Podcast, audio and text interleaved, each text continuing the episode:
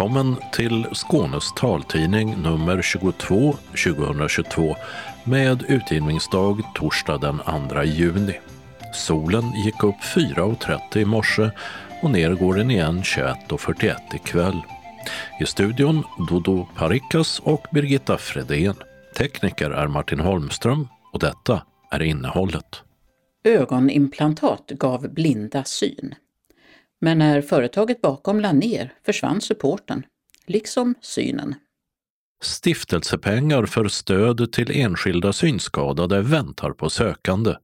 Fast digitala ansökningar skrämmer bort många som skulle ha nytta av pengarna. Kommunal punktskrift finns nu på ukrainska. Årets Alma-pristagare till Astrid Lindgrens minne heter Eva Lindström och den som vill ta del av hennes böcker som talbok eller i punktskrift har mycket att välja på. Ta en bild och känn den på skärmen. Ny teknik för gravt synskadade visades på synmässan. Snart är det dags för nya covid-sprutor igen. Hon leder ledarhundsverksamheten i landet. Möt Elisabeth Ravstis som vill ha en bättre relation till förarna. Inget körlande. Sopa inte banan för barn eller anhöriga med synskada, uppmanar ordföranden för Unga med synnedsättning, US. Öppnat och stängt med sommarkafé och sänghotell. Evenemangstipsen därpå med den ena syntolkningen efter den andra. Och kalendern med parlamentsval och sjöslag. Anslagstavlan så med somriga inbjudningar och trafikmeddelanden. Och sist hittar du redaktionsrutan. När New York-bon Barbara Campbell en dag gick genom en tunnelbanestation blev allt plötsligt svart. Hennes högteknologiska ögonimplantat Argus 2, som under fyra år gett henne lite syn tillbaka, hade slutat att fungera. Och den hade gett upp för gott skulle det visa sig. För det amerikanska företaget Second Sight som skapat produkten var nära konkurs och hade bestämt sig för att sluta med både tillverkning, drift och support. Samma sak har eller kommer att hända alla deras 350 kunder. När något går sönder eller slutar fungera finns ingen längre som kan fixa det. Om de nu inte klarar av att ordna det själva då. Och då blir de som Barbara och flera andra blinda igen. Det läser vi om i nättidskriften IEEE Spektrum. I Skånes taltidning berättade vi 2008 om produkten som kallas Argus 2. En elektronisk näthinna som gett blinda lite syn tillbaka. Ett tekniskt genombrott som liknade science fiction. Längst bak i ögat opererades ett litet nät av elektroder in framför ögats egna näthinna som inte längre fungerade. På nätet sitter en antenn som tar emot signaler från en liten videokamera fäst på ett par solglasögon. Och de signalerna går sedan via en processorenhet fäst på byxbältet. Och från den enheten går sedan signaler till den konstgjorda näthinnan och patienten upplever en bild. Den bilden som skapas var och är mycket odetaljerad. Mest kunde patienterna urskilja rörelser, ljus och mörker. Och alla, även utvecklarna, var eniga om att resultatet var långt ifrån en normal syn. Men det var en tillräcklig förbättring för att blinda världen över skulle vilja genomgå operationen. Och Argus blev också godkänd av myndigheter i både Europa och USA för medicinsk teknisk användning. Och patienter kunde sedan ses i skidbackar och skjutande med pilbåge och träffa, som holländaren Jeroen Perk som tappat synen på grund av RP. Här hör vi honom berätta om vad Argus betytt för honom i ett några år gammalt klipp. That's very emotional. When I'm in a bar and I see the lights and the contours of the people, that's very exciting for me. And so I made the choice to do it because I've seen it in the archery that it works. It's the quality of life, I think it is. I've Got no regrets because it's so successful. Och flera patienter blev som han talespersoner för företaget, som fick stor uppmärksamhet för sin avancerade teknik som lovade mycket inför framtiden. Men det ska sägas, långt ifrån alla blev nöjda med resultatet. Det blev problem med blödningar och lossnade näthinnor bland annat, som rapporterades. Och ekonomiskt gick företaget allt sämre. Med hänvisning till pandemin sa Second Sight 2020 upp all personal som sysslat med Argus och utrustningen såldes på auktion. och företagets framtid är nu högst osäker med en aktiekurs i botten. Hemsidan är dock fortfarande uppe med texter om att i takt med att tekniken utvecklas kommer ditt implantat också att göra det, tack vare framtida uppdateringar av både hård och mjukvara. Men några sådana räknar ingen av användarna Spektrum har talat med och många, men inte alla, känner sig svikna. Det är en fantastisk teknologi och ett uselt företag, säger Argus-användaren Roster till Spektrum. Och det ska ju tilläggas till sist, det finns ju fler företag som utvecklar nya tekniska hjälpmedel som har samma mål. Att göra att blinda kan se, åtminstone lite igen. Så en teknisk fortsättning följer helt säkert. Och det rapporterade Mats Sundling. Det finns mycket pengar att ansöka om för enskilda synskadade från Stiftelsen för synskadade i före detta Malmöhus län. Men problemet är att nästan ingen gör det. För något år sedan gick stiftelsen över till digitala ansökningar och det är efter det som bara ett fåtal personer ansökt. Ulf Olsson är stiftelsens vice ordförande och han är bekymrad över situationen. Vi delar väl ut någonstans mellan 4 och 5 miljoner varje år och huvudparten går då till forskning. Men eh, även organisationer får kanske en miljon, en och en halv. Men så har vi då också möjlighet att ge privatpersoner bidrag för inköp av sådant som har med synen att göra. Det kan vara nya glasögon, det kan vara mobiler, det kan vara tv-apparater och så. Sådant som inte syncentralerna eller synenheterna ställer upp på. Men hur många är det som söker de här privata bidragen? Eh, tidigare var det så att man kunde ringa till banken och få en ansökningsblankett. Nu har vi helt lagt över ansökningarna för de här tre grupperna, forskare, organisationer och privatpersoner, alltså på digitalt. Och tidigare hade vi väl ett 25-30-tal sökande varje år. Men nu är vi nere på någonstans 3-4 per år och det tycker vi är väldigt tråkigt. Men det kan ju bero på att informationen är lite dåligt spridd. Men man pratar ju mycket om det här med digitalt utanförskap, att alla hänger inte med i den digitala utvecklingen. Och om man då för personer med synnedsättning lägger över det som eh, digitalt, har det också en påverkan? Det har det säkert. Vi har diskuterat det här fram och tillbaka under ganska många år men kom nu fram till att nu gör vi detta. Man kan ju faktiskt få hjälp från syncentraler, från lokala organisationer att fylla i den här eh, blanketten som alltså finns digitalt numera.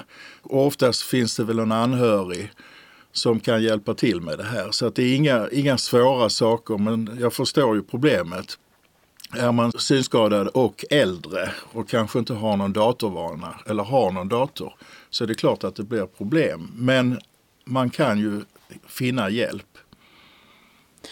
Om man då inte har möjlighet att få hjälp, kan man göra på någon, något annat sätt? Finns det något telefonnummer man kan ringa och säga att jag skulle vilja söka de här pengarna? Eh, det finns det inte. Eh, om det är någon som har gamla ansökningshandlingar kvar, alltså pappersansökningar, så tar vi fortfarande emot dem. Och sen får vi bedöma utifrån det, för att det finns ju lite andra kriterier också. Så att det måste vara en komplett ansökan. Har ni övervägt att göra om det med tanke på att det är så få som söker så att det även ska finnas något alternativt sätt? Vi kommer nog inte att gå tillbaks till pappersvarianten men det finns ju SRF-föreningar i flera delar av Malmöhus län. Det här gäller ju alltså bara Malmöhus län, inte Kristianstad län. Så det är bara halva Skåne som har möjlighet. Så att via de här organisationerna så bör man ju kunna få hjälp att fylla i den här ansökan, för den är inte alls komplicerad. Och hur mycket pengar ungefär har ni till de här privata som söker?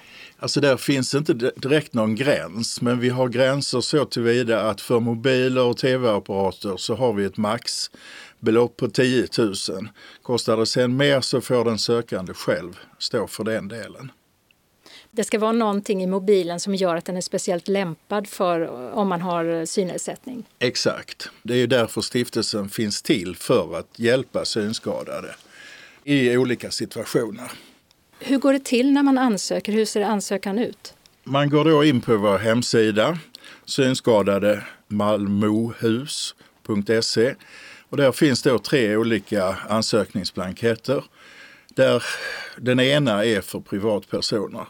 Och så går man då in i den och fyller i de uppgifter som krävs. Och finns inte alla uppgifter med så kommer inte ansökan att gå vidare utan då kommer ett område att tändas upp och visa på att här vill vi ha besked.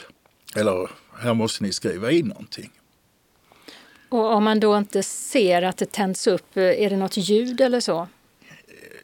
Ännu inte. Det, vi har ju inom banken flera stiftelser som har med synskadade att göra. Och man försöker på olika sätt förbättra de här ansökningsblanketterna så att, att det ska vara så lätt som möjligt att fylla i dem, att få iväg dem. Sen finns det ju då vissa kriterier. Man måste vara behövande och behövande är ju ett sånt där gammalt uttryck. Eh, och det innebär i princip att man inte får ha inkomster över 195 000 kronor per år. Sen måste man ju också bevisa sin synskada och då kräver vi ett intyg från optiker eller syncentral synenhet, ögonläkare. Och man får då max ha 0,3 i synskärpa på det bästa ögat. Och det är ju då riktlinjer som Världshälsoorganisationen har kommit med och det är de vi följer. Och det här intyget det ska bifogas till den digitala ansökan som pdf-fil. Stiftelsen för synskadade i före detta Malmöhus län har funnits ända sedan 1917 och har sitt ursprung i kronprinsessan Margaretas arbetsnämnd för synskadade. Och tidigare fanns de här stiftelserna över hela landet men idag finns bara ett fåtal kvar. Eh, då var ju stödet för synskadade inte så stort och därför bildades då de här stiftelserna över hela landet. Och denna är då en av dem som finns kvar. Och syftet är ju att på olika sätt stödja de synskadade, dels genom direkta bidrag, personliga bidrag, men även genom bidrag till organisationer där eh, deras olika verksamheter då ska kunna vara till hjälp. Och det kan ju gälla teaterbesök och utflykter och vad det nu kan vara som organisationen använder pengarna till. Och för det tredje då till forskning så att eh, man kan gå vidare och kanske lära sig mer om hur man ska förbättra möjligheter för synskadade och kanske finna olika läkemedel eller botesätt för att förbättra synskärpa. Hur många har ni möjlighet att ge bidrag till under en sån här ansökningsperiod? Eftersom maxbidraget då ofta blir, om det inte är någon speciell sak som ska köpas in, är 10 000 så kan vi ju ge bidrag till väldigt många. Det, där ligger inte problemet. Utan problemet är snarare att för få söker. Förra året var det kanske 25 000 Kanske blev det 30 000, men det skulle vara möjligt att dela ut flera hundratusen. Så att det är inte det som är problemet, utan problemet är att vi inte får in några ansökningar. Det sa Ulf Olsson, vice ordförande för Stiftelsen för synskadade i före detta Malmöhus län. SRF Skånes ombudsman Henrik Eld är kritisk till att stiftelsen inte hjälper sökande utan tillgång till dator med ansökningar. Jag förstår ju att det kommer att skapa problem för målgruppen. För det är så komplext så det är som att handla på nätet. Man måste skapa ett eh, användarkonto. Sen så ska man fylla i en ansökan och bifoga pdf-dokument. De flesta synskadade nätshoppar ju inte och detta är lika komplext. En sak som å ena sidan gör inloggningen enklare Å andra sidan ställer till problem ur säkerhetssynpunkt är att det inte krävs bank-id för att kunna ansöka, konstaterar Henrik Eld. när man eh, loggar in med sin e-postadress och ett lösenord som man skapat. Och vi vet ju, vi känner ju till från arbetet med våra egna stiftelser att det förekommer väldigt mycket bedrägeriförsök. Så på sikt tror jag att de helst skulle se att man eh, loggade in med sitt eh, bank-id. Sedan så hänvisar ju stiftelsen till att eh, den som inte klarar förfarandet med att fylla i det här antingen kan ta hjälp av anhöriga eller vända sig till lokala SRF-avdelningar. Vad säger du om det? Jag tycker att det är synd att eh, inte stiftelsen själv kan erbjuda hjälp med att göra ansökan. För eh, som jag ser det ute i våra lokalföreningar så alltså, är det ju synskadade personer som eh, har kontakten och, och ger stödet till medlemmarna. Och eh, då är vi ju tillbaka på ruta ett. Att De här kunskaperna för att klara det här ansökningsförfarandet med hjälp av en dator och hjälpmedel det är för komplext så att det kräver sådana kunskaper som de flesta inte besitter. Det är ju en brist i sig. Vi önskar ju bättre utbildning och rehabilitering på datorsidan men det finns också en gräns för vad man mäktar med. Är man då lite äldre också så kommer detta att vara för komplext.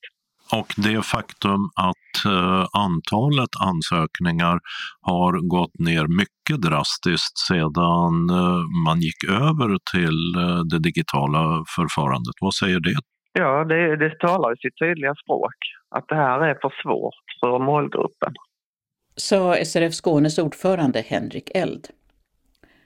Och den som vill söka pengar från Stiftelsen för synskadade i före detta Malmöhus län måste gå in på hemsidan synskadademalmohus.se. Ansökningsperioderna är två per år. En pågår nu och till och med sista juli Nästa äger rum 1 november till sista januari. Ulf Olsson intervjuades av Åsa Kjellman Erisi och Henrik Eld av Dodo Parikas. Ukrainsktalande med synskada i Östersund kan nu få kommunal information i punktskrift på sitt eget språk. Vad jag vet så är Östersunds kommun den enda offentliga organisationen som i dagsläget kan erbjuda punktskrift på ukrainska. Förr eller senare kommer flyktingar som har detta behov och det känns rätt och bra att vi i kommunen står beredda med denna tjänst, kommenterar utvecklingsstrategen Sonny Hoffman på kommunens hemsida.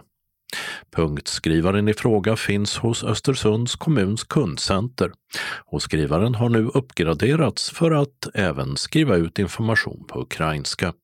Kommunen understryker dock att det inte finns någon översättningsfunktion i skrivaren utan det som ska skrivas ut i punkt måste vara skrivet på ukrainska för att komma ut i ukrainsk punktskrift. Sedan tidigare klarar den jämtländska punktskrivaren svenska, engelska och sydsamiska.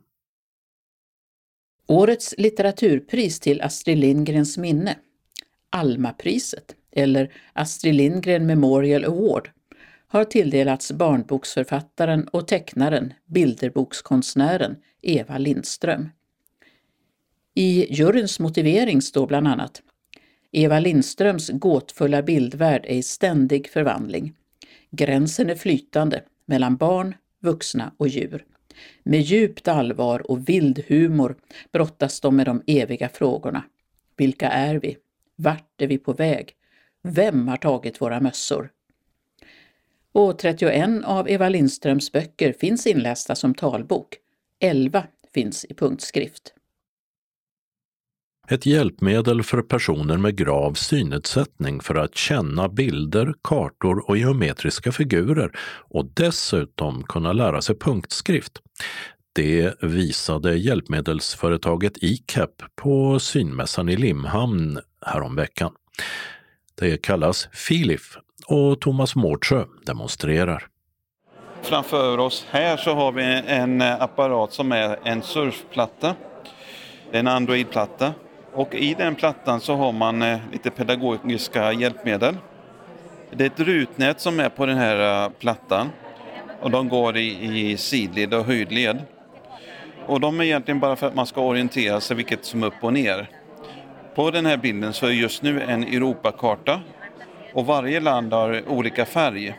Men som blind är det ju väldigt svårt att veta vad som är uppåt eh, och höger och vänster och så. De här landgränserna kan man då känna, för när jag rör på den här plattan så vibrerar det olika, för att det är olika färg på de olika länderna.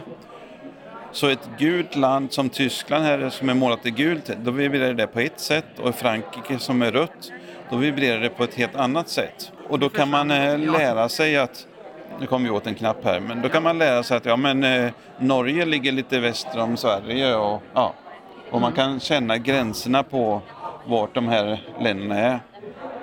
Man kan också ta ett kort med den här plattan och då vibrerar det olika hur pass ljust det är i kortet. Alltså så har du tagit ett kort på en tallrik till exempel som ligger på ett mörkt bord så kan du känna att det är en rund ring liksom, för att det vibrerar olika. Tar man ett kort på en grupp människor så ja, kan man få en uppfattning om hur bilden är även om man är gravt synskadad. Så det är grundidén med den här Filif, att man ska känna med vibrationer. Är det tänkt för skolbruk eller hemmabruk? Eller? Eh, ja, det är både och. Eh, I skolbruk så kan man till exempel på geometrin i matematiken kan man känna hur en eh, sinuskurva är. Det vibrerar olika då när jag lägger fingret på just kurvan. Man kan ha den som vi hade i, i geografin, man känner då hur länderna ligger på kartan.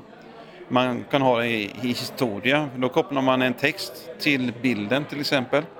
Man kan ha det inom konstundervisning och ja, få en uppfattning om hur ett konstverk är, är ritat. Så man kan ha den som ett pedagogiskt hjälpmedel. Dessutom kan man ha den här till att lära sig punktskrift. Så på översta raden så är det punkter som är lite större stil. Och då vibrerar det just när jag lägger fingret på en punkt som är uppmärkt så kommer det att vibrera på den punkten. Då får jag sätta igång ett program som heter Lär dig punktskrift och så lär man sig helt enkelt punktalfabetet. Du sa att en surfplatta går den att surfa på också? Ja, och ja. Det är en vanlig surfplatta, en vanlig Samsung-platta som eh, vi har klistrat på det här rutnätet och ett program som gör de här vibrationerna just. Och det var Thomas Mårdsjö på ICAP som demonstrerade Filif. Även hos Insyn fanns nyheter för punktläsare. Frank Skaret visar det senaste. Det är den här eh, nya punktdisplayen från Visio Braille. Den heter Vario 440 och 440 för att det är en 40-tecken. Och så finns det en ovanför här som är lite längre som heter Vario 460. Det är alltså 60 teckens. Och eh, själva grejen med de här det är ju att de är väldigt små, väldigt smidiga, väldigt enkla. Alltså det är bara navigeringstangenter, tre stycken på varje sida om läsraden. Så det finns inte massa knappar på framsidan och på ovansidan så. Utan det är en ren punktdisplay. Går inte att koppla ihop med telefon utan den ska kopplas till dator via USB. Väldigt liten, lätt och smidig. Ja. Sen har vi ju de här som vi har haft ett bra tag, Focus som är en annan typ av punktdisplay då där man har lite inbyggda anteckningsmöjligheter. Man har ett punkttangentbord på så att man kan koppla den till en telefon och styra telefonen från displayen. Och då kan man ju med de här inmatningstangenterna, punkttangentbordet, så kan man ju skriva sms, skriva mail och så i telefonen. De andra två de är enbart för att läsa? Bara för att koppla ihop med dator och läsa. Sen har du några ännu mindre här. Just det. Och det är ju då det är de som man använder mer specifikt just till eh, att koppla ihop med telefon. Så den jag la framför dig nu det är också Visio Braille som har gjort och den heter Vario Ultra. Den har 20 teckens läsrad och har eh, en hel del saker inbyggt i sig på ett internminne. Så där har man ordbehandlare inbyggt, kalkylator och lite andra saker. Så att den kan man ju ha som en ren anteckningsapparat också. Och koppla ihop med telefon om man vill det. Den är ju i princip inte mycket större än vad telefonen är. Nej, den är väldigt smidig. Och sen eh, min kollega här då står och visar en Focus 14. Och den är precis som en Focus 40 fast som namnet antyder det är bara 14 teckens läsrad. Den är också för att koppla ihop med telefon, att lätt kunna ta med sig och sådär. sa Frank Skaret på hjälpmedelsföretaget Insyn. Vi hörde också Thomas Mårdsjö från ICAP. Reporter var Birgitta Fredén. Och så till coronaläget, närmare bestämt vaccinationerna mot covid-19. Folkhälsomyndigheten rekommenderar nu en ny dos för den som är över 65 år eller tillhör en riskgrupp och är över 18. För de som tagit alla tidigare sprutor blir det den femte vaccinationsdosen. För vuxna under 65 görs inga sådana rekommendationer. Däremot så kan den som önskar också få en påfyllnadsdos. Det kan finnas olika skäl till att man önskar en till dos under hösten och då kommer det att vara möjligt för alla över 18 år. Generellt är risken att drabbas av allvarlig sjukdom låg för de under 65 år, men det finns individuella variationer och vi vet att risken stiger med åldern. Det säger vaccinationssamordnaren Anna Lindén i ett pressmeddelande. I Region Skåne kommer vaccination att erbjudas hos de mottagningar som vaccinerar på uppdrag av regionen samt på vårdcentralerna. Planeringen pågår för vaccineringen som startar i september. Ledarhundsverksamheten i Sverige har sedan en tid en ny chefshandläggare. Elisabeth Ravstis är 64 år, har själv ledarhund och dessutom egna sällskapshundar.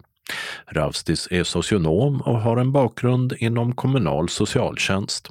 Hon vill arbeta för bättre information till och bättre kontakt med ledarhundsförarna. Jag vill att vi ska ha mer dialog än vad jag i alla fall upplever att det har varit på senare år i form av att vi har såna här ja, brukarråd som vi kallar det, där man alltså träffar med ledarhundsförare och ledarhundsverksamhet mera regelbundet och som verkligen är ett, ja men där man tar och ger. Synskadades riksförbund har ett myndighetsansvar för ledarhundsverksamheten. Enligt ledarhundslagen så avgör Synskadades riksförbund vem som kan få en ledarhund och hos vem en ledarhund ska hamna och om en ledarhund måste återtas från ledarhundsföraren. Det har varit en del kritik om hur myndighetsansvaret har skötts. Öppenheten gentemot förarna behöver förbättras och ledarhundsförarna ska vara välinformerade, säger Elisabeth Ravstis. Jag vill att det ska gå ut mer information till ledarhundsförarna om vad som händer i verksamheten, vad vi gör. Det är ju ett sätt att eh, också öka förtroendet. Att man också ska känna att det finns, alltså verkligen finns en rättssäkerhet när det gäller ledarhundar. Att allting går rätt till. När Elisabeth Ravsis på Facebook berättade om det nya jobbet som chefshandläggare för ledarhundsverksamheten möttes hon av många glada tillrop. Rätt person på rätt plats. Helt enkelt ett arbete som gjort för dig. Hon har till helt nyligen varit ordförande i föreningen Sveriges ledarhundsförare och är själv mångårig ledarhundsförare.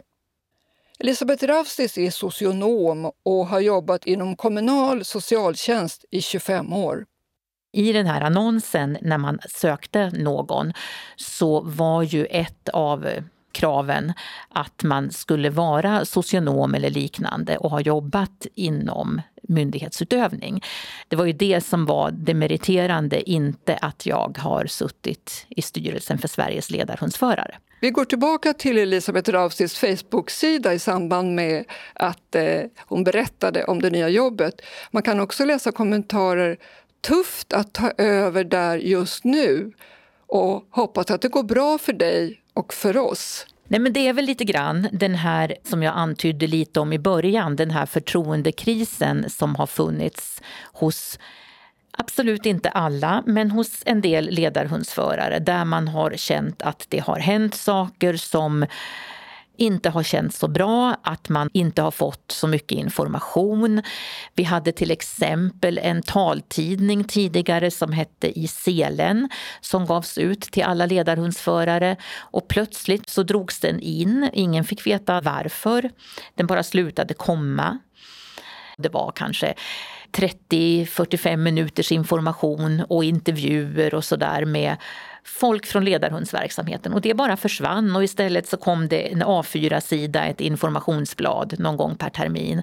Sådana saker har väl gjort att vissa ledarhundsförare i alla fall känner att men vad är det som har hänt? Varför får vi inte veta? Varför får vi ingen information? Det här gör att förväntningarna på dig, de är högt ställda. Ja, det är de nog. Jag hoppas att jag kan leva upp till dem. Sen är det ju som det är. Jag känner ju fortfarande att jag är väldigt ny på jobbet. Den här förtroendekrisen som du beskriver, hur ska du kunna få den uppfattningen att vända? Ja, jag hoppas att jag kan få det genom att det här med informationen blir bättre att vi ska vara mer liksom transparenta här från ledarhundsverksamheten. Att eh, det ska vara högt i tak när det gäller det här brukarrådet. Att man ska kunna verkligen ge och ta, lyssna på varandra. Det ska inte vara envägsinformation utan det ska vara... Har det varit envägsinformation? Jag tror att eh, många har upplevt det så på senare tid, att det har varit mycket att man förväntas få information och att det har varit svårt att lyfta en del egna frågor och sådär. Så att jag hoppas verkligen att det ska bli mer som jag kommer ihåg att brukarrådet var när jag satt i eh, Sveriges ledarhundsförares styrelse då runt 2014 och sådär. För då, då såg det ganska annorlunda ut hur, hur brukarrådet funkade och jag hoppas att vi ska kunna få det så igen. Ska ledarhundsförare vara rättslösa? Det var rubriken på en skrivelse som Sveriges ledarhundsförare med flera skickade till Synskadades riksförbunds förbundsstyrelse i slutet av förra året. Skrivelsen handlade om en ledarhund som mot förarens vilja togs tillbaka av ledarhundsverksamheten.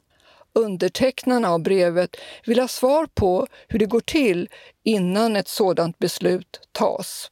Ibland händer det ju, jag har själv råkat ut för att min ledarhund har tagits ur tjänst men med mitt eget samtycke då. Och just det här att hur viktigt det är att sånt här sker på ett bra, mjukt och rättssäkert sätt att eh, man så långt det bara går får med sig ledarhundsföraren i beslutet. För att eh, annars så hamnar man lätt... Alltså det, det, är så traumatiskt. Jag menar, alla som någonsin har haft en hund vet vilka enormt starka band man kan knyta till en hund. Hur mycket man älskar den här varelsen. Och där känner jag att alltså där kommer in min erfarenhet av att ha jobbat med omhändertagande av barn, det är inte jättelångt ifrån.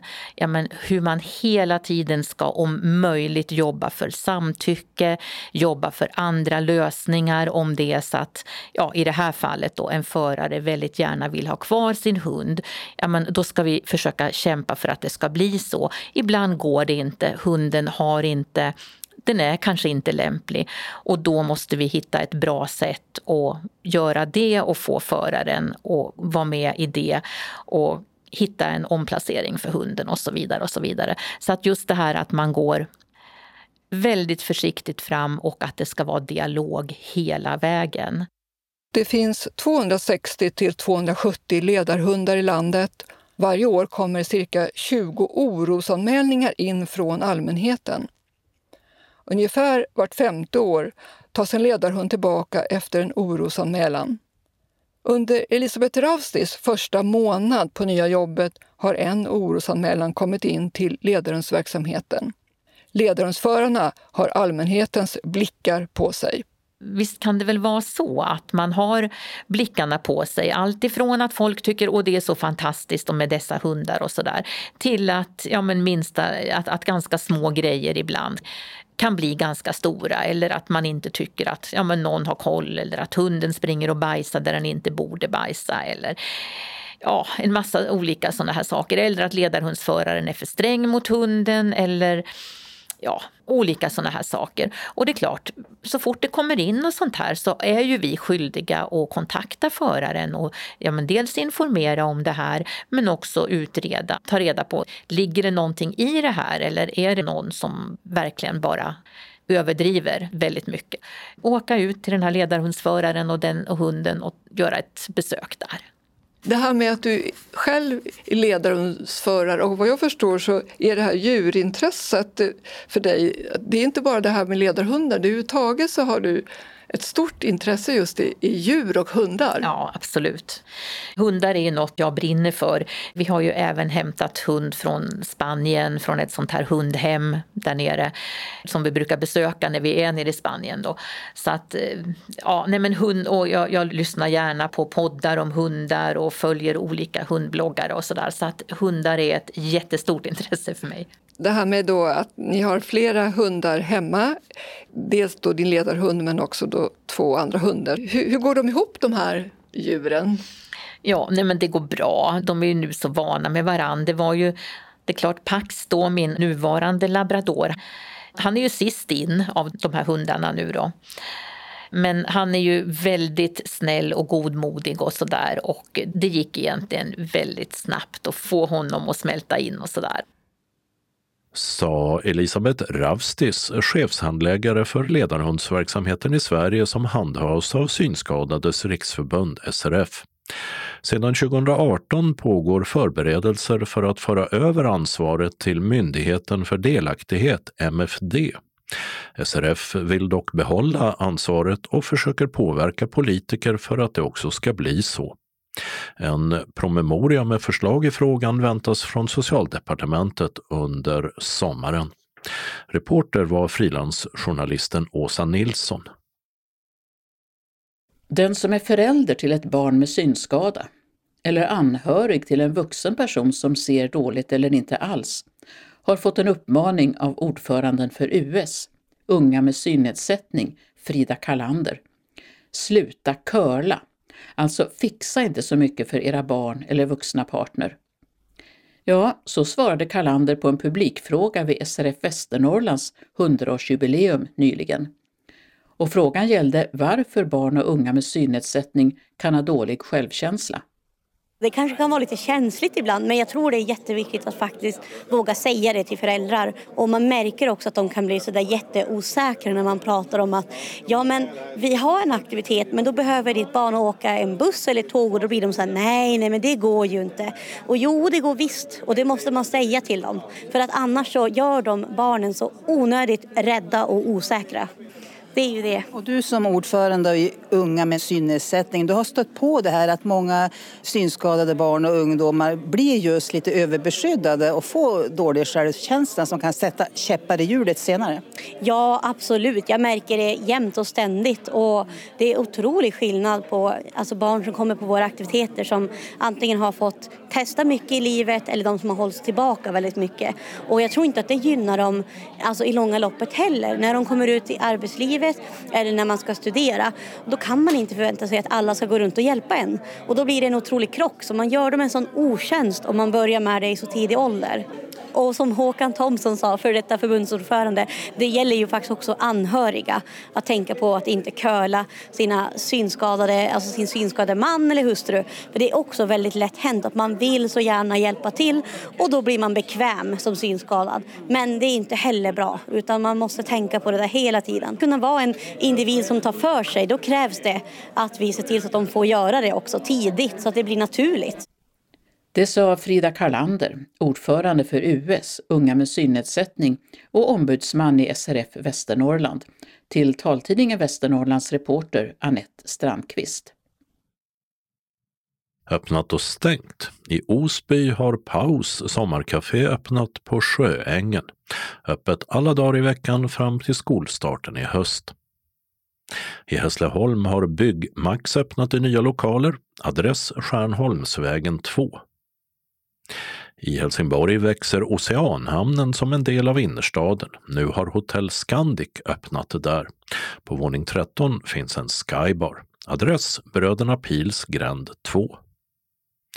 Malmö har begåvats med ett nytt fik. Möllans Café heter det och ligger på Bergsgatan 14.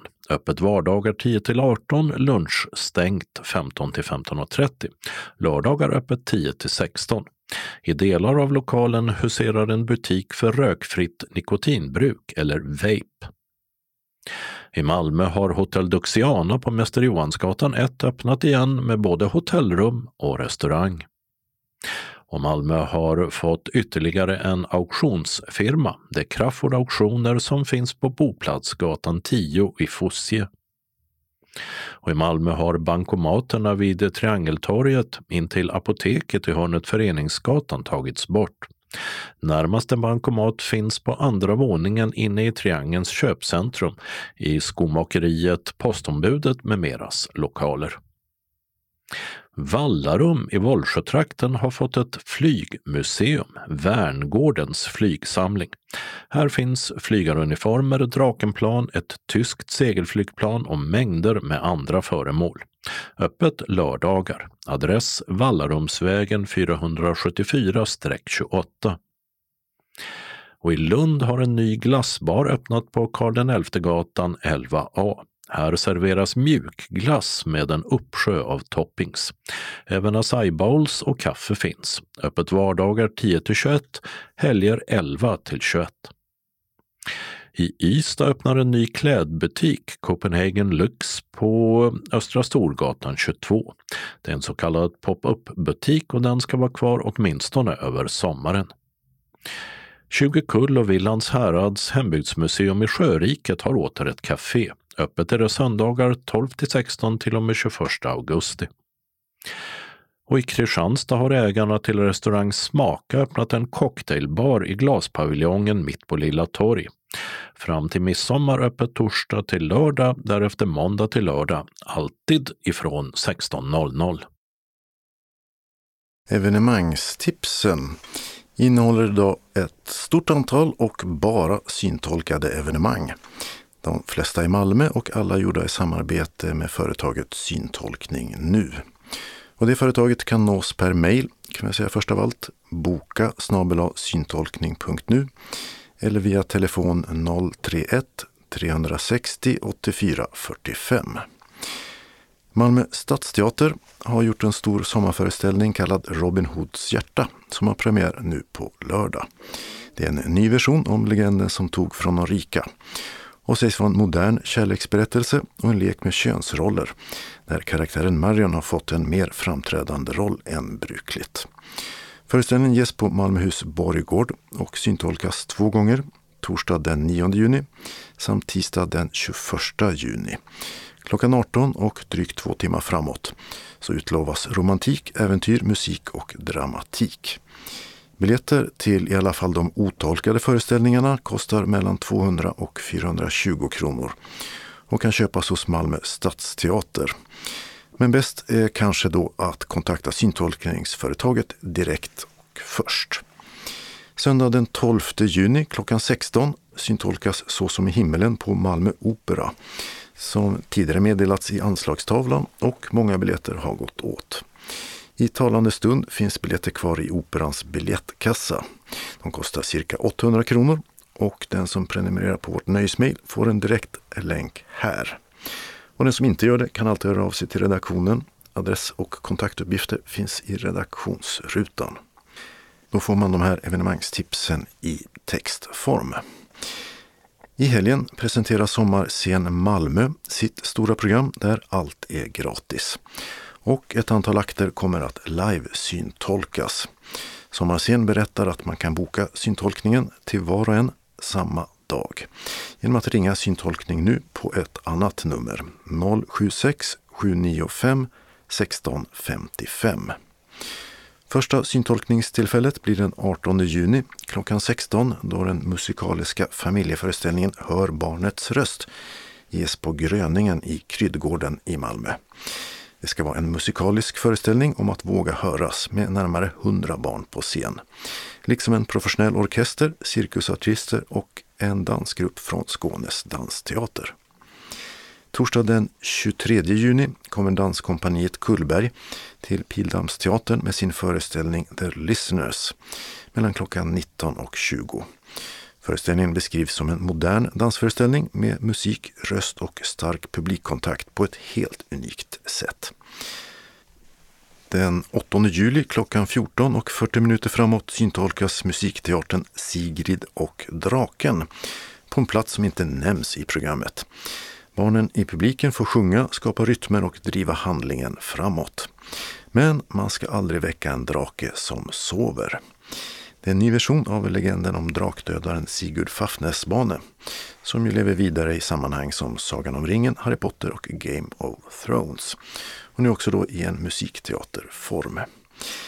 Fredag den 15 juli blir det syntolkad utomhusbio i Kroksbäcksparken vid Puckelbollplanen från klockan 22 och två timmar framåt. Dokumentärfilmen Summer of Soul handlar om 1969 års legendariska Harlem Cultural Festival med artister som Nina Simone, B.B. King, Stevie Wonder, Sly and Family Stone och Mahalia Jackson. Den här filmen blev utsedd till bästa dokumentär vid den senaste Oscarsgalan. Den 21 juli klockan 14 syntolkas Nycirkus för hela familjen i Stolpalösa parken. Föreställningen heter Radio Trattofon och sägs vara en fysisk komedi utan tal där cirkusartisterna rattar in en halsbrytande föreställning på sin tecknade radio. Men vad händer när själva radion inte är med på noterna? Speltid 30 minuter. Fredag den 22 juli syntolkas Raja och den sista draken. En animerad familjefilm om krigaren Raja som använder drakmagi för att rädda världen från onda monster. Problemet är bara att drakarna offrade sig för mänskligheten redan för 500 år sedan. Och nu finns det bara en drake kvar. Från klockan 22 enligt programmet och två timmar framåt i Törnrosens amfiteater. Familjeföreställningen Skräckkabinettet, både syn och teckenspråkstolkas lördag den 23 juli klockan 19 till 20.10 i Pildammsteatern. Monsterrockbandet med samma namn bjuder på show där coola monster och spöken sjunger nykomponerade rocklåtar om rädslor och hur de kan övervinnas. För några år sedan gjorde bandet succé i SVTs barnprogram Sommarlov. Lördag den 23 juli blir det syntolkad utomhusbio i Enskifteshagen. Det är Roy Anderssons mästerverk En kärlekshistoria. En film från 1970 om den spirande kärleken mellan ungdomarna Annika och Per. Med all den rädsla, ömhet och glädje det kan innebära. Samtidigt som de vuxnas drömmar om framtiden har gått vilse. Regissören gick sedan vidare med prisbelönta filmer som Sånger från andra våningen och Du levande. En kärlekshistoria visas klockan 22 till midnatt. Tisdag 26 juli klockan 14 till 14.30 syntolkas familjeföreställningen Gul, ful eller kul på Bulltofta rekreationsområde. Det är musikteater av Silla Klein och är mest för 3 till 6-åringar. I Gullan Guls värld är leken i centrum och allt kan hända. Fantasin flödar fritt och alla dansar, sjunger och får följa med på ett sommaräventyr till sjön där både publiken och Gullan tar sig ett dopp. Är färgen gul, kul eller ful eller något helt annat? Och det var hela det syntolkade programmet för Sommarscen Malmö. Hela programmet presenteras den 2 juni, men för Skånes taltidnings prenumeranter i Malmö är det på väg inläst på CD. Andra inte syntolkade föreställningar ur det kan ju också dyka upp i de här evenemangstipsen framöver. Och alla är som tidigare år alltså gratis att gå på. Till sist, i förra numrets evenemangstips berättade vi om att Pang i bygget efter två års väntan nu ges på Fredriksdalsteatern i Helsingborg. Och den syntolkas den också torsdag den 28 juli. Och det ska finnas fler platser kvar. Kalendern för vecka 23 börjar med måndag den 6 juni då det är nationaldagen och flaggan hissas i topp. Namnsdag har Gustav och Gösta efter kung Gustav Vasa. Förstås som valdes till det för exakt 499 år sedan. Så nästa år lär det halva årtusendet uppmärksammas. Ziggy Stardust fyller 50 år. Den här dagen 1972 släppte David Bowie LPn The Rise and Fall of Ziggy Stardust and the Spiders from Mars. där Bowie för första gången uppträdde som sitt alter ego med samma namn. Skivan brukar finnas med högt på 100 bästa någonsin-listorna. Och så är det annandag pingst som just i år också är helgdag. Tisdag 7 juni har Robert och Robin namnsdag. Studentsläppen börjar och under veckan som följer kan man nog räkna med ovanligt glada tonåringar. De två senaste årens gymnasieavslutningar präglades ju av pandemirestriktioner. Apropå sjöslag så vann amerikanerna just den här dagen 1942, alltså för 80 år sedan, slaget om Midway och andra världskriget vände i Stilla havet. Efter attacken mot Pearl Harbor ett halvår tidigare hade Japan en räcka stora framgångar. Men mitt i oceanen förlorade Japan nu fyra hangarfartyg som de aldrig kunde ersätta. Så istället för att fortsätta erövringen hade de nu förlorat förmågan att vinna kriget. Den här dagen 1952 föddes den turkiska författaren och journalisten Orhan Pamuk som ju fick Nobelpriset i litteratur 2006. Nu fyller han alltså 70 jämt. Onsdag den 8 juni blir det partiledardebatt i riksdagen med start klockan 9. Namnsdag har Eivor och Majvor. Torsdag den 9 juni firar Åland sina 100 år av självstyre med det svenska kungaparet på plats. I riksdagen här hemma ska man besluta om regeringen får igenom sitt förslag om ändrat jobbreseavdrag. Från dagens baserat på kostnader till ett som bara utgår från avståndet till och från jobbet och är neutralt mellan färdmedlen.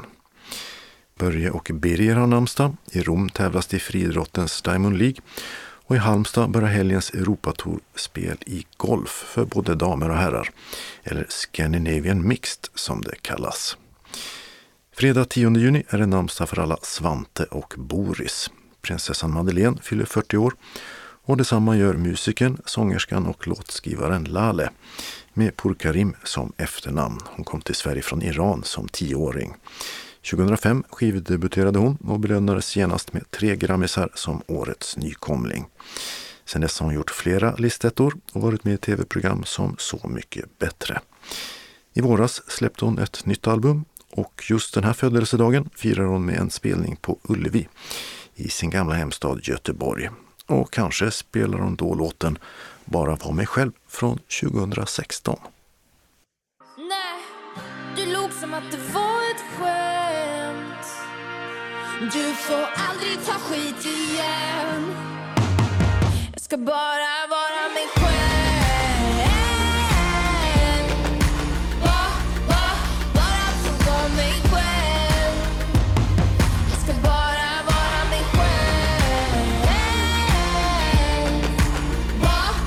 Vill bara få vara mig själv.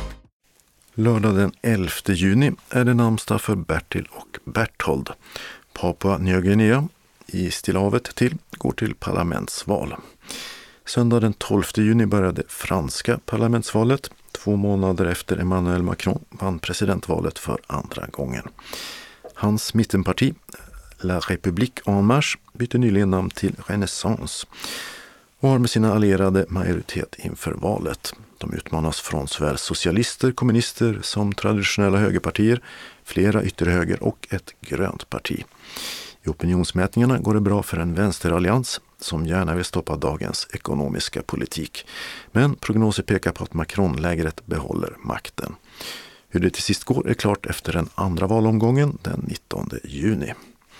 I Italien är det lokalval av bland annat stadsfullmäktige och borgmästare. Och i kyrkans almanacka är det heliga trefaldighetsdag.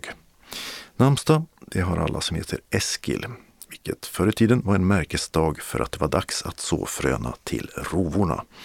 I Norrland menade man att regn denna dag varslade om mer av den varan och en dålig rovskörd på det.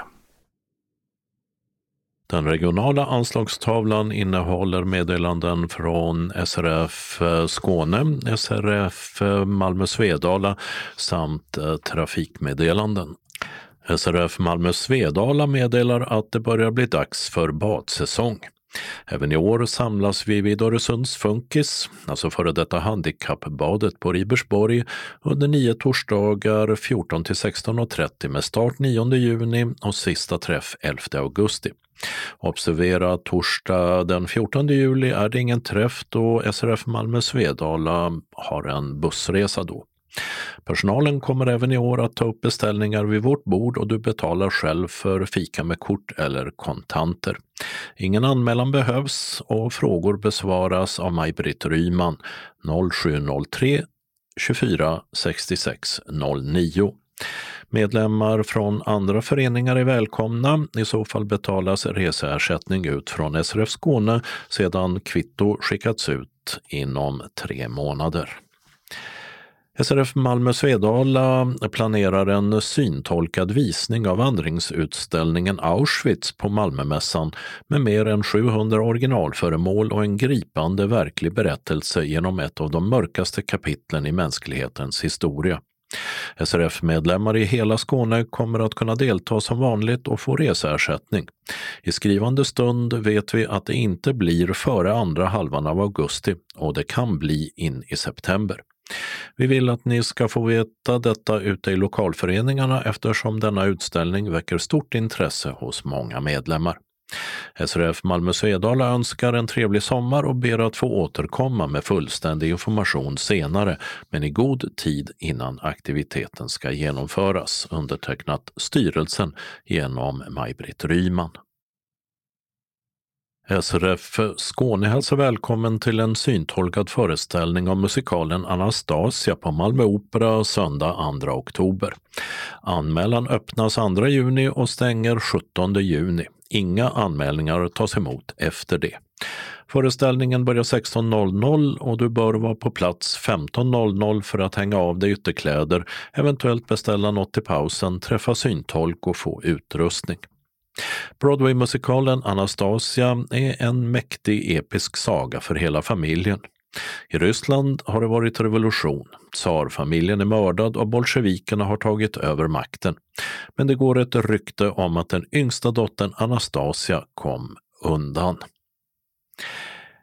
I Sankt Petersburgs fattigkvarter finns gatsoparen Anja. Hon minns inget om sin bakgrund men har en känsla av att hon måste till Paris.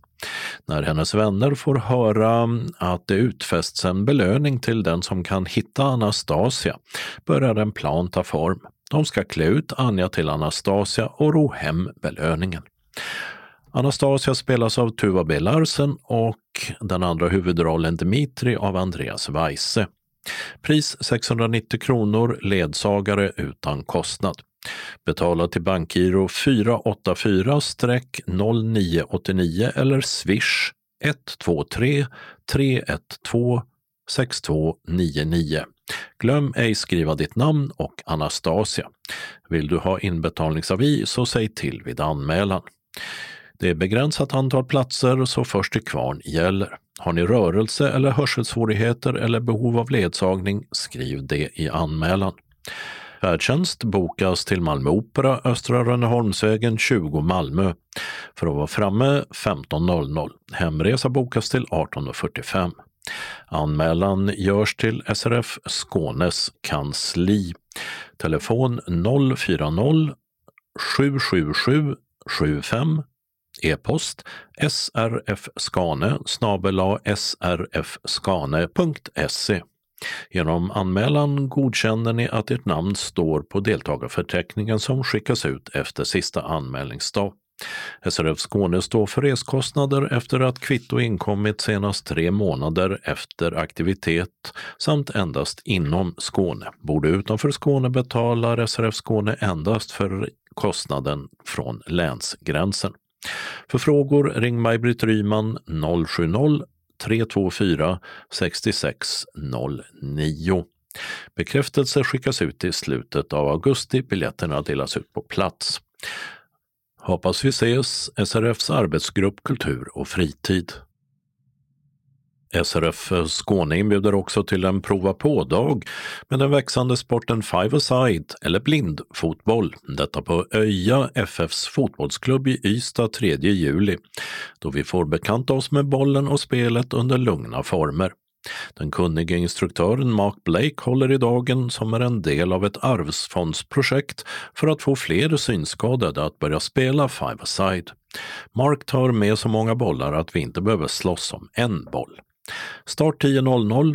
Under lunchpausen snackar vi om våra upplevelser och grillar korv med bröd. Dryck ingår. Vill du ha vegetariskt alternativ, säg till vid anmälan. Ange också om du har allergi eller specialkost. Efter lunch fortsätter vi till 14.00. Vid behov av ledsagning så tänk på att våra ledsagare kommer att hjälpa åtminstone två personer.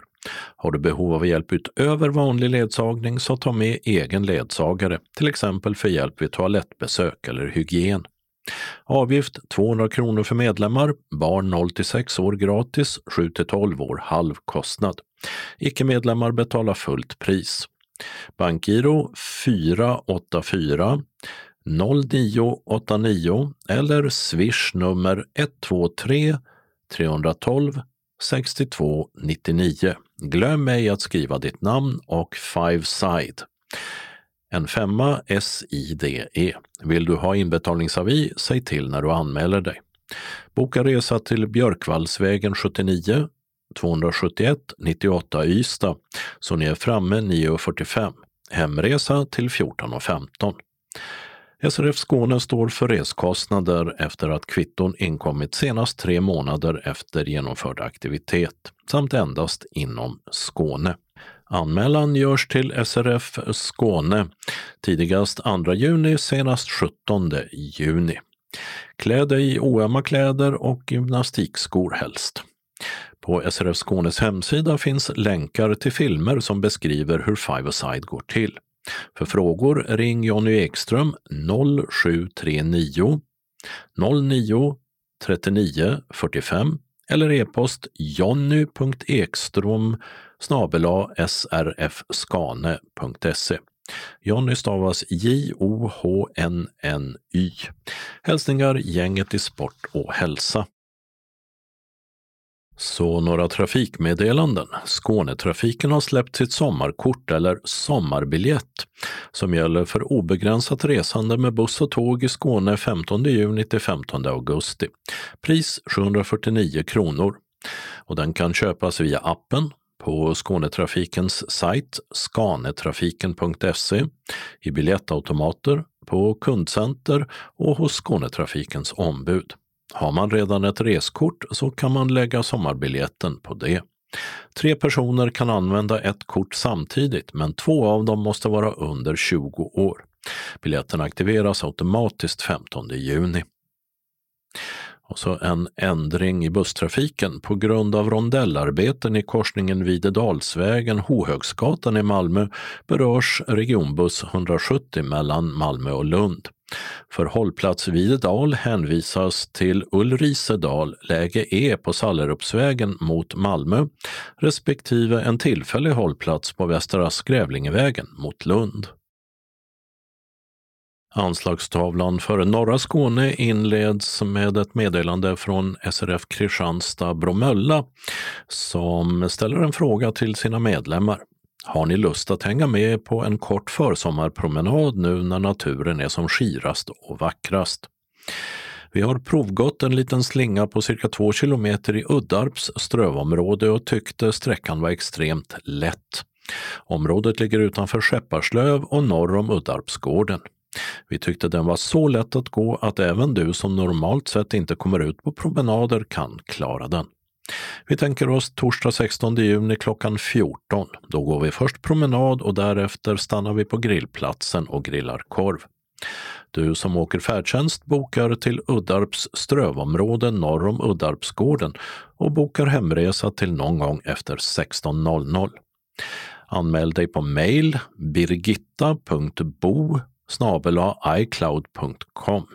Bo stavas B-O-O och iCloud i CLOUD. Eller så smsar eller ringer du till 0733 76 60 02 senast 13 juni. Uppge i anmälan om du tror att du äter mer än en korv så vi vet hur mycket vi ska köpa in. Vi hörs och ses! SRF Norra Skåne välkomnar till en utfärd till Hallongården i Trelleborg lördag 30 juli. Bussen hämtar vid borgen i Osby cirka 9.30 och kör mot Stjärnhuset Kaptensgatan 10 och därefter Kyrkskolan vid Skolgatan i Hässleholm cirka 10.10. Sen går färden med kort uppehåll och bensträckare till Hallongården där vi serveras lunch som består av sparrissoppa eller vegansk soppa med god hallonpaj till efterrätt. Meddela vid anmälan vilken soppa ni önskar. Cirka 14.15 bär det av hemåt och under vägen stannar vi för att njuta av kaffepaus med något gott till. Hemma i Hässleholm är vi cirka 17.00 och i Osby 17.30. Föreningen bjuder på utfärden. Anmäl dig till Anna-Lena Pekkilä 0703 600 647 eller e-post alp.ledarhund gmail.com senast 27 juni. Hälsningar styrelsen.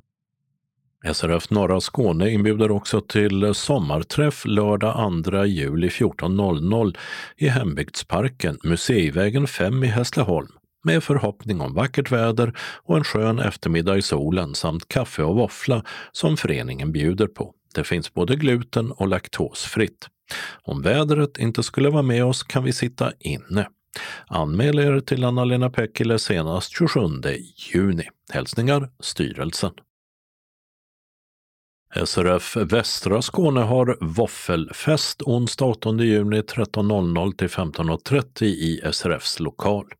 Tillsammans avnjuter vi nygräddade våfflor med jordgubbssylt och vispad grädde. Kaffe eller te serveras till. För 30 kronor får du två våfflor. Vill du ha extra våffla kostar den 5 kronor. Anmälan till kansliet senast tisdag 7 juni klockan 12.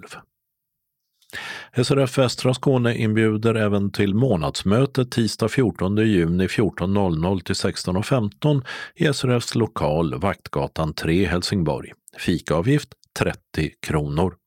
Det blir sedvanliga mötesförhandlingar och vi får besök av Conny Palmqvist som ska prata om sin bok Sundets röda nejlikor.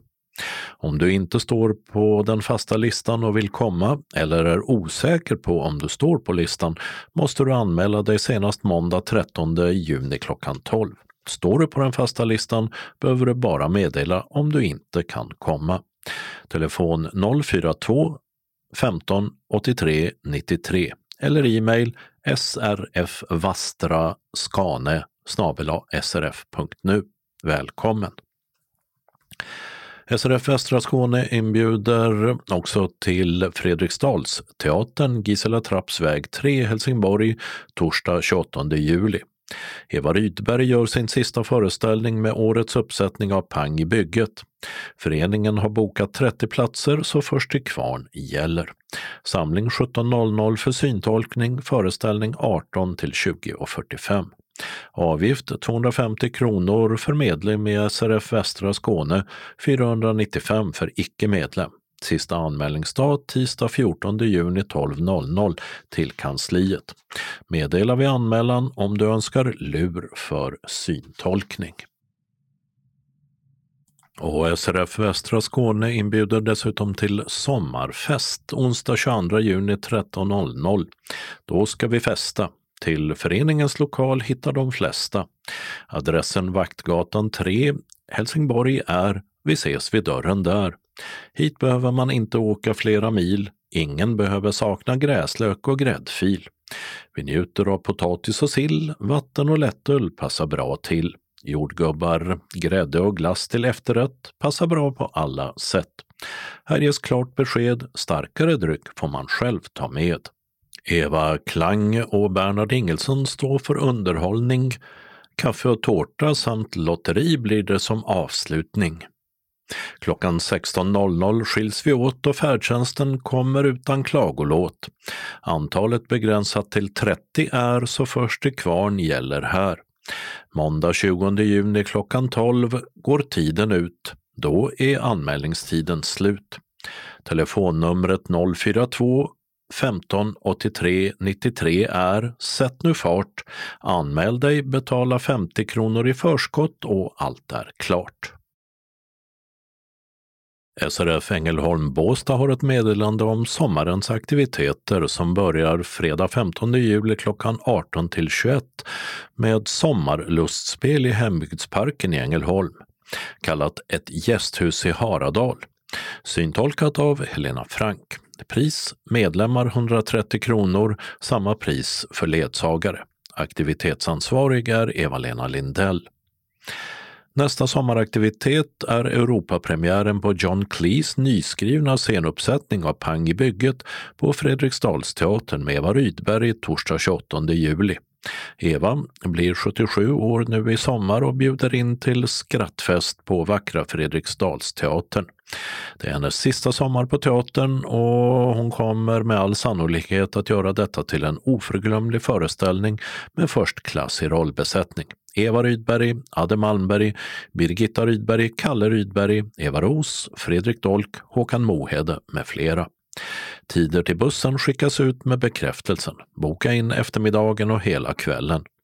Pris för medlemmar 300 kronor, samma för ledsagare. Då ingår resa till Helsingborg, syntolkad föreställning och enkel fika i pausen. Aktivitetsansvariga är Eva-Lena Lindell och Liss Malmborg. Och SRF Ängelholm Båstads medlemmar inbjuds också till kost och motionshelg på Röstånga gästgivargård. Det är SRF Bjuv Klippan Åstorp som bjuder in föreningen till en härlig gemenskap på Röstånga Gästisk från fredag 12 till söndag 14 augusti. Gästgivargården är handikappanpassad så personer med rullstol och rollator kan röra sig där utan problem. Även de fyrbenta vännerna får vara med. Det blir tipspromenader, boccia, en föreläsning och säkerligen god mat och mycket skratt. Har ni lust att följa med så tveka inte. Pris för medlemmar 1000 kronor, ledsagare samma pris. Priset är beräknat för dubbelrum. Aktivitetsansvarig Elis Malmborg. För alla tre aktiviteterna gäller följande. Att ledsagare förväntas hjälpa två personer under hela aktiviteten och att sista anmälningsdag är den 22 juni till Marianne Jönsson. E-post mariannejonsson95 gmail.com. Jonsson stavas med två s följt av en nia och en femma. Telefon 070 710 45 79. För frågor om Hembygdsparkens sommarlustspel kontakta Eva-Lena Lindell, telefon 0706 65 43 73. E-post 0431.430917 snabel-telia.com. För frågor om pang i bygget samt inbjudan från SRF Bjuv Klippan Åstorps kost och motionshelg kontakta Liss Malmborg 0702 42 60 74 e-post liss.malmborg gmail.com Liss stavas L-I-Z-Z. Styrelsen önskar en riktigt skön och fin sommar och ser fram emot att få träffa er. Hjärtligt välkomna!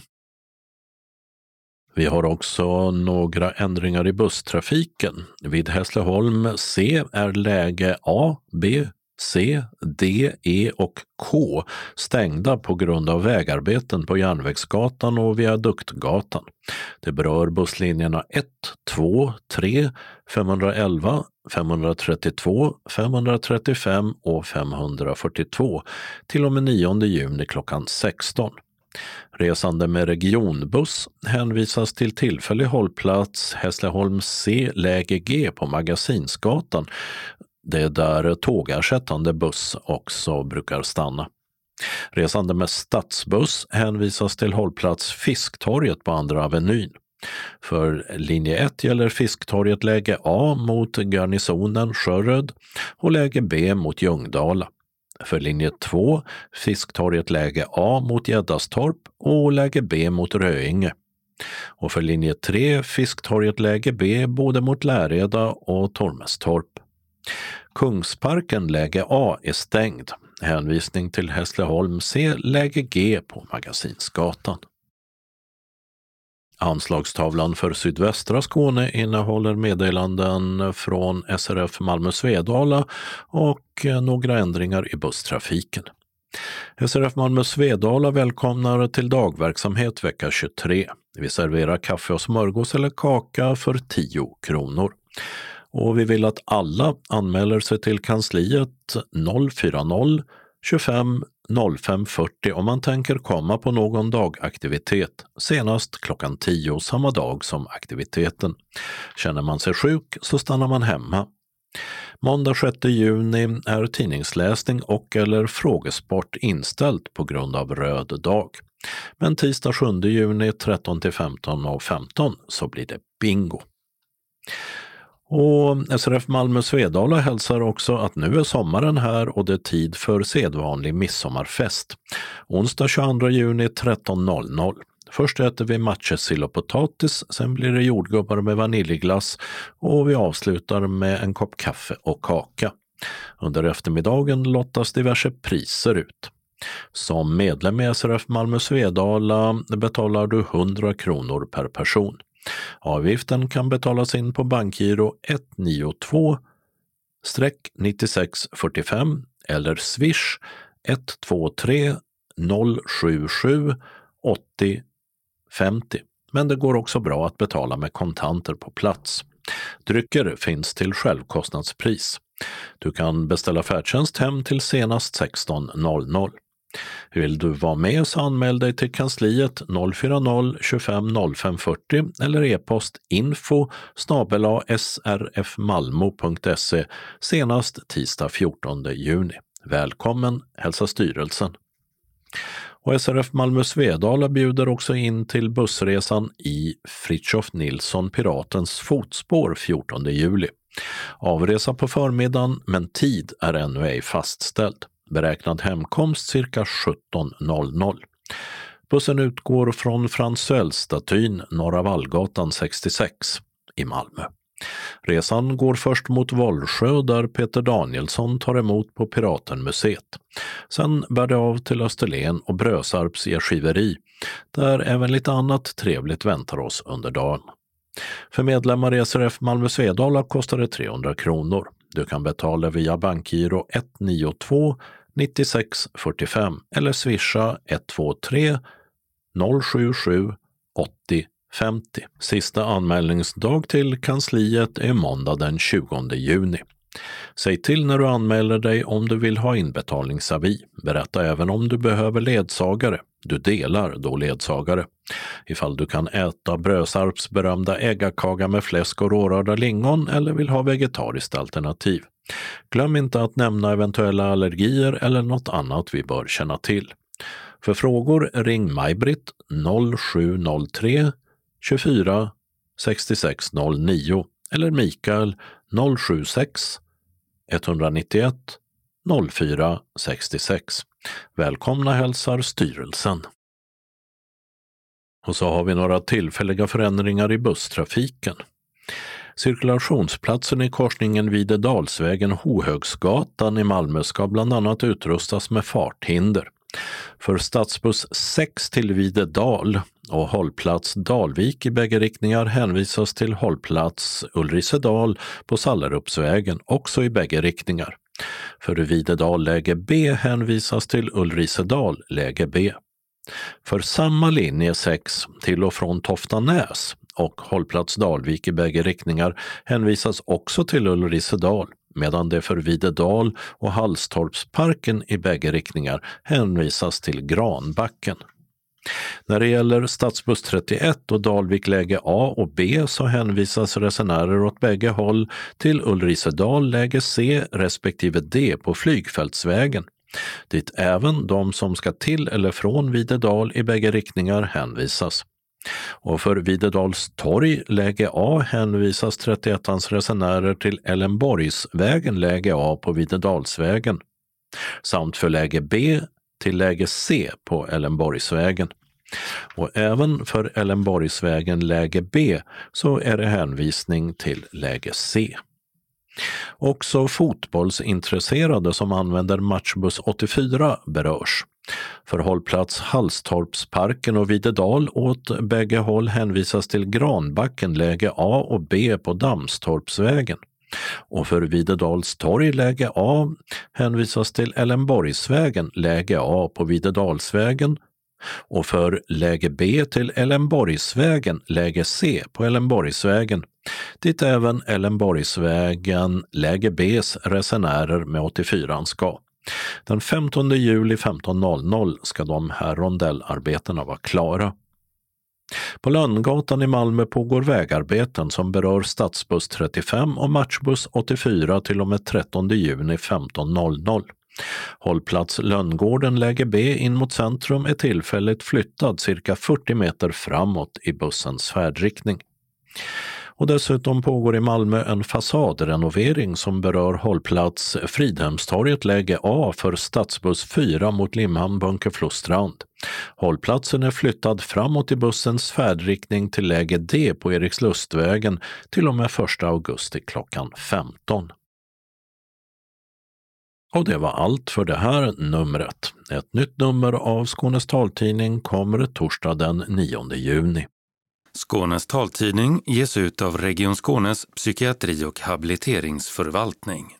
Ansvarig utgivare är Martin Holmström. Postadress Jörgen Ankersgatan 12, 211 45 Malmö. Telefon 040-673 0970. E-post Skanes taltidning snabela skane.se och hemsida skanestaltidning.se. Observera att CD-skivorna inte ska skickas tillbaka till oss. Såväl skivor som kuvert kan läggas i brännbara sopor när ni inte längre vill ha dem. Vi hörs igen. Hej då!